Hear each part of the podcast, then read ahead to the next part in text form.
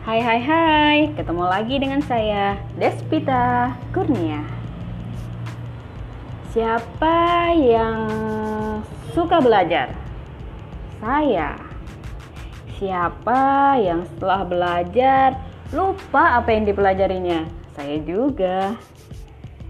Kamu-kamu mengalami hal yang sama? Oke, sekarang kita dengarkan baik-baik empat komponen dalam proses belajar agar lebih mudah diingat. Komponen pertama, baca. Ya, baca dan baca atau dengar ya. Yang komponen kedua, praktek. Jadi, dipraktekin tuh apa yang sudah dibaca atau didengar. Kalau mau lebih mudah diingatnya. Komponen ketiga.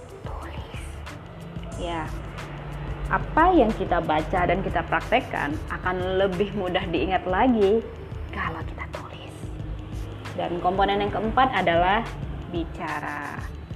Jadi setelah kita baca, kita praktekin, kita tulis, kita bicarain deh ke orang-orang di sekitar kita, ke orang-orang terdekat yang mau ngedengerin, yang nggak mau ngedengerin juga nggak apa-apa, asal kamu tahan dicuekin ya kan ya.